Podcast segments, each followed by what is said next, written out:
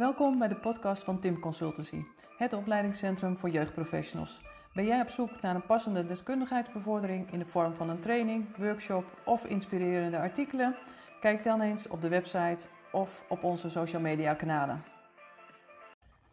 Welkom bij een nieuwe podcast van Tim Consultancy. Mijn naam is Margreet Timmer en naast mij zit Summer Koster. Wij gaan vandaag uh, met elkaar in gesprek in de week tegen kindermishandeling. En het thema van deze week is praat met elkaar. Ja, en dat gaan wij eigenlijk hier nu in deze podcast doen. Praten met elkaar. Praten met elkaar over praten. Ja, mooi. Ja, helemaal super. Want het is wel een onderwerp waar we zelf samen heel actief in zijn, veel mee bezig zijn. In alle trainingen die wij geven over wat voor methodiek of wat voor tool of over welke kennis. We fietsen altijd dat stukje gespreksvoering er wel in. Ja, ja. En vooral het thema is natuurlijk uh, praten met elkaar, omdat het ook over een thema gaat wat ja, helaas nog heel veel voorkomt. Hè? Kindermishandeling, uh, huiselijk geweld. En waarin we ook vaak zien dat er misschien een stukje schroom is om het er echt over te hebben. Om ook mm -hmm. het bespreekbaar te maken. Um, um, er is bijvoorbeeld ook best wel veel angst om uh, misschien iemand onbewust aan te wijzen. Of misschien een stukje angstig, onwetend of onzekerheid ten aanzien van signalen die je wel ziet. Um, en daarin is het juist zo belangrijk om het onderwerp een plek aan tafel te geven. En om het onderwerp een plek aan tafel te geven, betekent ook dat je regelmatig over moet hebben met elkaar. Het komt voor, hoe handel je dan? Wat Mhm. signaleer je? Um, um, maar ook je eigen eventuele emoties of gevoelens die daar een rol in spelen. Ja, want ik denk dat, uh, hoe vaak je het ook tegenkomt, ik denk de impact die het op je heeft, dat, dat het daar ook over mag gaan. Ja. Dat ik toch nog vaak wel merk dat mensen een schroom hebben om dingen bij naam te noemen. Ik denk als je het expliciet maakt, dat het ook dichterbij komt. Als je het hebt over, ja, er is daar sprake van huiselijk geweld. Of je hebt het over uh, Pietje van drie, die woont thuis bij een papa en mama, waarbij regelmatig het glas uit de ramen gegooid wordt, eh, waar gescholden wordt, terwijl hij in de box zit. Dat het dan alweer anders is. Dan is het lastiger om daar uh, over te praten met elkaar. Ja, of als er bijvoorbeeld signalen of mogelijke onthullingen zijn waarvan je niet zeker weet, heeft diegene dat nou echt gezegd? Is het Mhm. nu zo?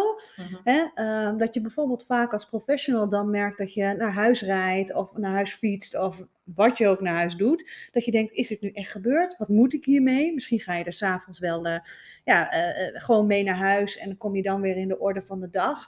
En sluimeren zo situaties onbewust naar binnen waarin je later kunt Mhm. denken, hé, hey, maar wacht eens even had ik hier misschien te maken met? Ja. Of was hier een vorm van onthulling?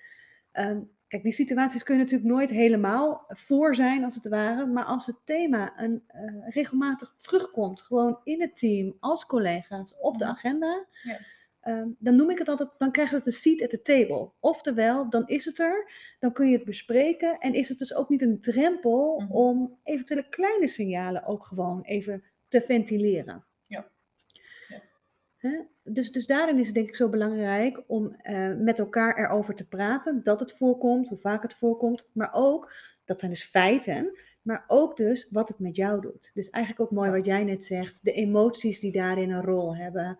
Um, um, um, um, misschien ook soms vormen van tegenoverdracht. Of wat denk je eigenlijk van... Ik, ja, ik, ik, kan het niet, ik kan het niet hard maken, maar ik heb het gevoel dat. Mhm. Ja, dat, dat is altijd een groot dilemma. Ehm, maar ook wel het stukje het bewustzijn van wat doet het met jou en wat is je eerste reactie. En dat kan variëren tot mensen die dan eigenlijk gelijk op de bres staan en, en zoiets hebben. Oké, maar dit moet acuut stoppen en uh, actie en die, nou ja, Ingrijpen. precies, heb ik Ja. al bijna eh, in de auto zitten. En anderen hebben zoiets van, ja, dat moeten we nog maar een beetje aankijken, we weten het niet goed, eh, niet zeker. En ja, het kan natuurlijk ook heel iets anders zijn, dus veel meer de vermijding. Ja. Ja. En weet je, beide mogen er zijn. Beide zijn er eigenlijk ook. Hè? Altijd. Het is er.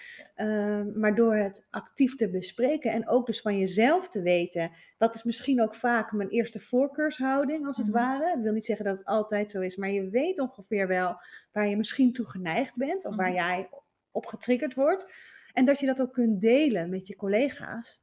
Dan krijg je en steun en kritische vrienden. Ja. En die kritische vrienden, dat mag wel heel erg prominent aanwezig zijn of aangestipt worden of gestimuleerd worden, kritisch zijn op elkaar. Ja, ja, en dan wel vanuit, niet vanuit, ik noem het altijd eh, eh, beter of minder, maar Mhm. meer vanuit, hé, hey, wij willen met elkaar, we hebben een gemeenschappelijk doel Ja. en dat is de beste zorg leveren die er is.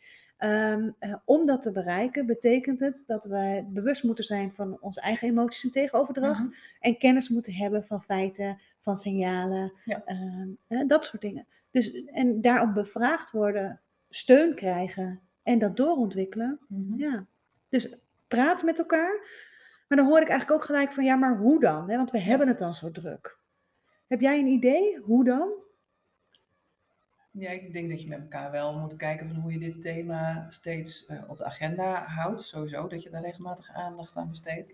Maar ook wel dat eigenlijk in iedere casus waar iets aan de hand is met kinderen of met volwassenen, dat die optie van zou het kunnen zijn, en, en niet per se van zo, zou het kunnen zijn dat deze ouders een kind mishandelen, maar zou het kunnen zijn dat hier eh, dingen gebeuren waar niemand blij mee is. Waar ehm, ouders af en toe toch te boos worden. Of, hè, dan hoeft het niet direct zo'n label te hebben. Of, of ja, zou deze ouders op dit moment het gewoon niet lukken om voldoende aandacht voor hun kind te hebben. Ja.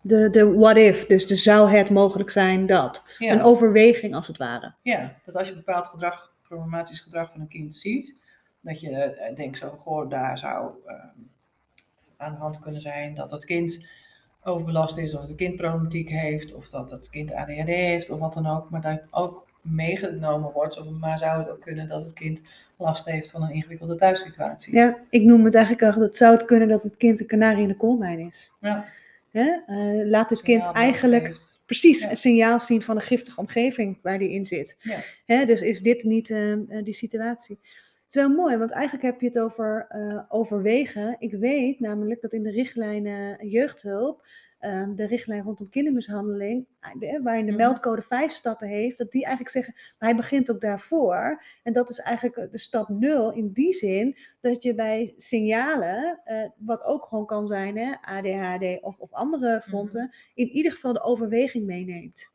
Ja, dat, dat is je basishouding, zou dat moeten zijn. Je dus nieuwsgierigheid, je oprechte interesse, het willen weten van hoe zit dit, wat is hier aan de hand. Mhm. Ehm, Ja, dat is dus je persoonlijke basishouding, maar het is ook belangrijk dat je daarin met elkaar in je team het gesprek over aangaat. Hè? Dus als er nieuwe aanmeldingen bijvoorbeeld komen, dat het in ieder geval iets is ja, ja, wat een eh, stoel aan tafel heeft. Ja. Dat het een onderwerp is wat de, revue passeert. Durf te bespreken gaat soms ook wel wat verder, denk ik, eh, als we het kijken naar standaard processen misschien. Van nou, heeft het ook een plek bij vergaderingen? Heeft het plek bij mhm. collegiale consultatie? Heeft het een plek bij eh, doorontwikkeling? Ja. Precies, deskundigheidsbevordering. Ja. Ehm, heeft deze week belangstelling eh, op je werk? Heb je het er met elkaar over? Heb je extra bijeenkomsten? Wordt er wat georganiseerd? Wat doe je? Ja, ja. En daarin heeft natuurlijk ook altijd de aandachtsfunctionaris huiselijk geweld, kindermishandeling een mooie rol. Om te zorgen dat dat thema actueel blijft. eh, dat mensen op de hoogte blijven van ontwikkelingen, van kennis, van al dat soort dingen. Dus dat is misschien wel een mooie oproep die je eigenlijk doet. Goh, aandachtsfunctionaris, als je luistert eh, binnen de organisatie waar jij werkt, hè, krijgt dit ook een plek. En zorg je er ook voor dat thema's die georganiseerd worden, zoals hè, eh, Week tegen kindermishandeling, volgens mij zijn er meer thema's, hè, Orange the World heb Ja, je straks. Hè, voor vrouwen ehm, eh, eh, mishandeling, geweld tegen vrouwen moet ik dan Mhm. ook zeggen. Maar er zijn meer thema's. Zorg je ook voor dat die thema's misschien eh, op de werkvloer wat extra aandacht verdienen. Zodat er ruimte gecreëerd wordt Mhm. om met elkaar te praten. Zeker. Ja, dat het er mag zijn. Nou ja, wat jij zegt, van een stoel aan de tafel mag hebben. Dat het ook een onderwerp mag zijn waar je het over hebt. Ja, Ja, dus dat is die rol van die aandachtsfunctionaris waar we zo nog even kunnen kijken. En deze week ehm, is natuurlijk ook aandacht voor ervaringsverhalen. En bij ervaringsverhalen gaat het altijd vaak over ja, de ervaringsdeskundige. Hoe krijgt die een plek binnen de organisatie en dat soort dingen. En dat is een mooie. Ehm, ik denk daarnaast dat ervaringen allang intiem zijn.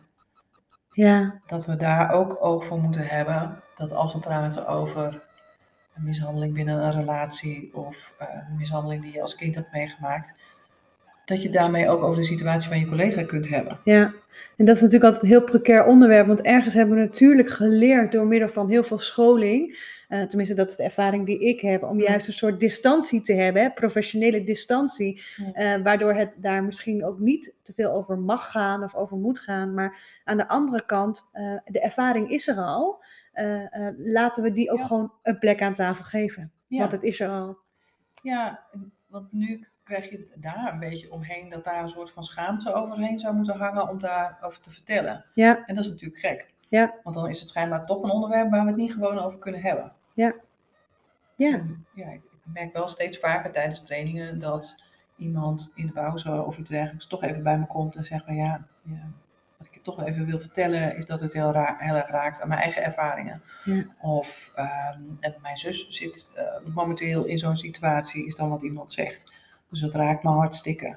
ja, En ik denk, dat mag zijn. Het mag, alsjeblieft, laat het onderwerp je raken. ja, Op het moment dat het ons niet meer raakt, dan denk ik dan, eh, nou, dan kun je bijna wel spreken eh, eh, van een risico op secundaire traumatisering. Ja. Ik denk dat dat jouw manier is om te dealen met de hoeveelheid ellende die je soms op je bordje krijgt en hoort. Dus ook een soort oproep, praat met elkaar over dat dit er is. En dat, Ja. dat eigenlijk praat met elkaar over dat we allemaal mens zijn. Ja, want tijdens de training over de meldcode zei ik, eh, noemde inderdaad de cijfers van hoe vaak seksueel mis- misbruik voorkomt. Ik zeg dus, ja, dat, dat zou in theorie dus ook betekenen dat hier in deze ruimte mensen zitten met ervaringen. Ja. Ehm, en in je eigen familie en vrienden, dat daar ook mensen. Toen zei iemand, ja, maar dat heeft eigenlijk nog nooit van mijn vriendinnen ooit tegen me gezegd.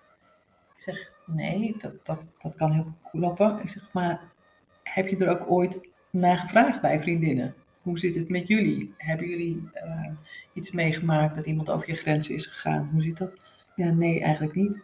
Ja, dus ook onder elkaar eh, stellen we die vragen eigenlijk niet. Nee, nee, en dan wordt er misschien wel verwacht dat we dat als professionals doen. Ja, Maar we zien eigenlijk dat we het binnen onze sociale omgeving ook niet zo hè, goed durven. ook niet zo goed Nee. durven. Ja. Nee, dus misschien een mooie oproep eigenlijk die je doet om dit gewoon echt bespreekbaar te maken en te Ja, houden.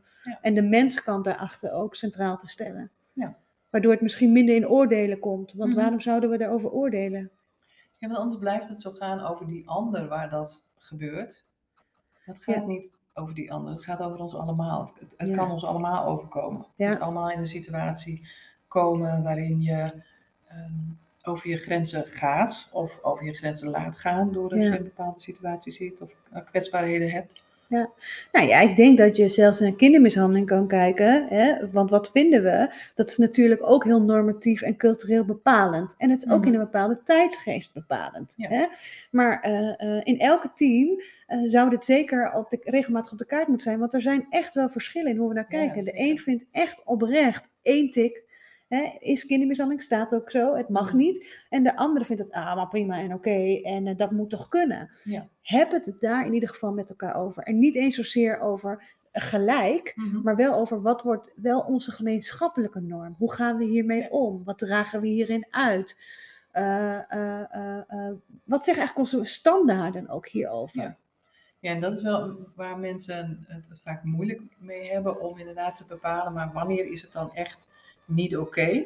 Dus los van wat ik ervan vind, maar wanneer vinden we het als professionals dan niet eh, oké? En daar heb je natuurlijk ehm, wel een aantal punten voor die je kunnen helpen om daarover in gesprek te gaan met elkaar.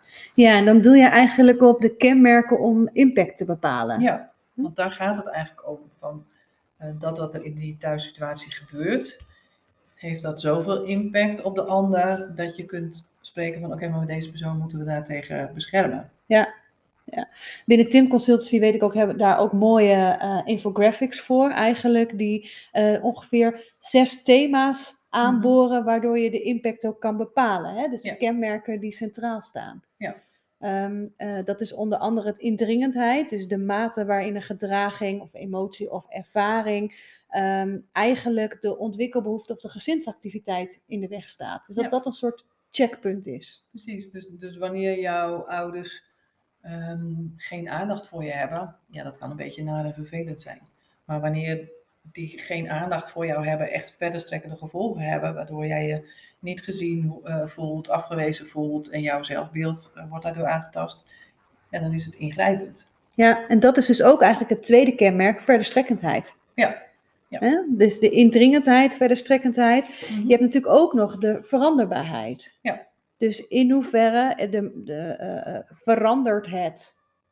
Hè? Wat, heen, eh, juist, door de Mhm. tijd. Ja, eigenlijk zou je een beetje evolutie ja. eh, haast kunnen zien. En natuurlijk ook de frequentie, hoe vaak iets voorkomt. Ja. Dus, maar je kan ook voorstellen, één keer een heel groot iets kan veel meer impact hebben dan een regelmatige structuur. ja. Dat heeft dan met die ongebruikelijkheid te maken. Ja, En dus als iets één keer gebeurt, ja, maar het is zo bijzonder, of het is zo raar, of het is zo onvoorstelbaar, wat dan ook, kan de impact net zo groot zijn als iets wat ehm, wekelijks gebeurt. ja, ja.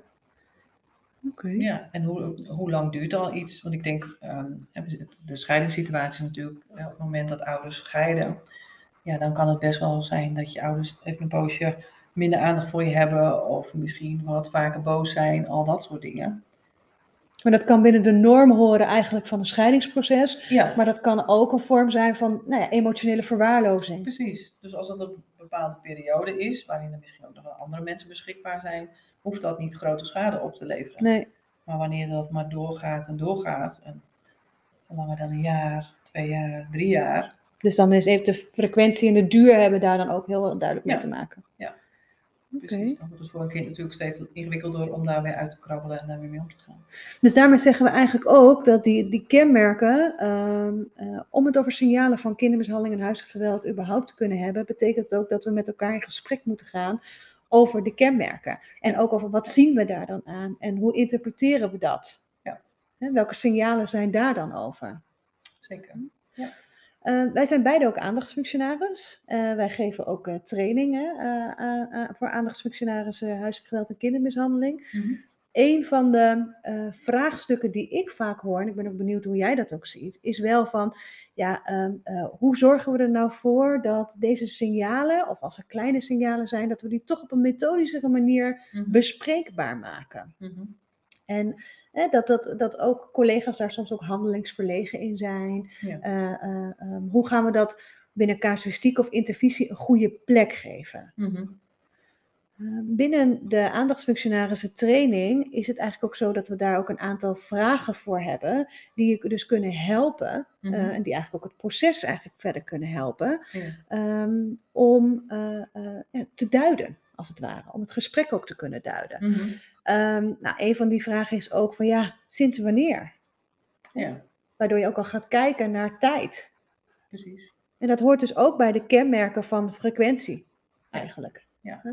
Ja, en, en dat je ook alert bent op zo van, ja, wan- vanaf wanneer ben ik me eigenlijk hier zorgen over gaan maken? Of wan- sinds wanneer merk ik dat het kind er ehm, eh, stiller is of meer teruggetrokken is? Ehm, wat ging daar aan vooraf? Was dat in een bepaalde periode? Weet ik wat er misschien thuis speelde op dat moment? Vraag daarnaar. Ja, Ja. Dus dat ja, je daar bewust van maken, eigenlijk een soort van tijdlijn maken. Wanneer, ben jij, wanneer maakte jij je zorgen, zeg maar? Mhm. Dus wanneer is het eerste onderbuiksignaal of eerste echte signaal Mhm. aan bod gekomen? Daarmee ga je het ook misschien wat methodiseren, als het Ja. ware. Hè? Ga je het ook structureren. Ja, en daarin ehm, het, goed het onderscheid maken tussen objectief en subjectief. Ja, Want de subjectieve oordelen vliegen nog wel eens over tafel. Dus Ja. Heel vaak gebeurt het dan. Ja. ja. maak die eens concreet dan. Wat is dan heel vaak? ja, en dat is ook hoe vaak doet het zich voor, is Ja. dan ook feitelijk. Hoe vaak per maand, hoe vaak per week, hoe vaak per dag. Precies. Ja. Dat is ook dan wel heel mooi, wat eigenlijk de rol van de aandachtsfunctionaris dan ook kan zijn. Dat hij ook dit soort structuurvragen als het Ja. ware kan stellen. Waardoor je de professional ook mee kunt nemen om Mhm. het onderwerp levendig te houden, maar ook te kaderen. Precies. Dus zodra het gaat over termen, vaak, soms, af en toe, regelmatig, ja. dat Zoom dan in. Ja, Ja, zoom Ja. dan in op de feitelijkheden. Ehm, en vervolgens is het misschien ook wel heel, nou ja, is het misschien, is het ook heel mooi om verder te kijken naar wat gebeurt er eigenlijk met de signalen die ik heb of ervaren. Eh, nemen die toe of nemen die juist af? En wat is de intensiteit als het ware? Ja. En dan kom je eigenlijk ook een beetje bij de indringendheid en de verstrekkendheid eh, Ja, terecht. dan weer mee. Ja, Ja. ja. En dat je ook wel kijkt, zo van, waar komt jouw informatie vandaan? Gaat het om dingen die je zelf hebt gezien? Of gaat het over informatie die je uit derde hand hebt? Heeft iemand jou dat verteld? Ja. Ehm, hoe heb je daarop gereageerd? Welke vraag heb je gesteld? Mooi. Dus ook een beetje je bron. Ja. Ja. Daarmee ga je natuurlijk ook signalen die je hebt, als het ware, accorderen van informatie. Je gaat ze wat feitelijker maken. Eh, Wie zijn, de wie zijn de personen, in welke situatie, wat zijn de signalen die we dan hebben gehad, zo feitelijk mogelijk als het ware. Mhm.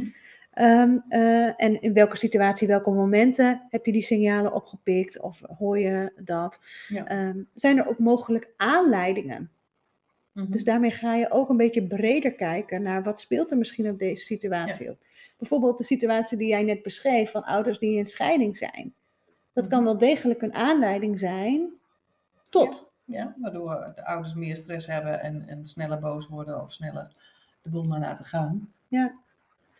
Ja, en als je die helder hebt, de aanleiding hebt, en je hebt het meer helder over wat mogelijk de intensiteit is, wat Ja. eh, eh, eh, de, de structuur als het ware is, kun je het namelijk ook hebben over de gevolgen.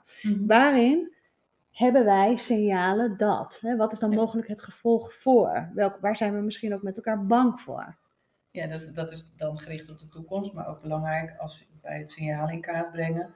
Dat je dus, ehm, als het gaat over het gedrag van ouders, dat je dat ook koppelt aan het gedrag van het kind, of de impact op het kind.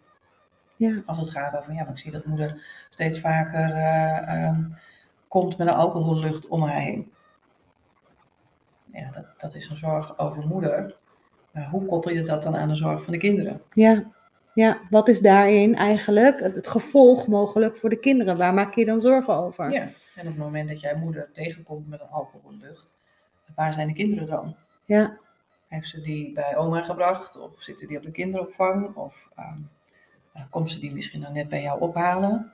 En zit ze in de auto? Dus wat maakt dat gedrag van, van de ouder? Waar zijn de kinderen dan? Wat zien we dan daar? Oké. Mooi. Zie je kinderen die heel erg gaan zorgen voor de ouder? Of zie je kinderen die denken van nou, ik, eh, ik ben weg, ik doe helemaal niks?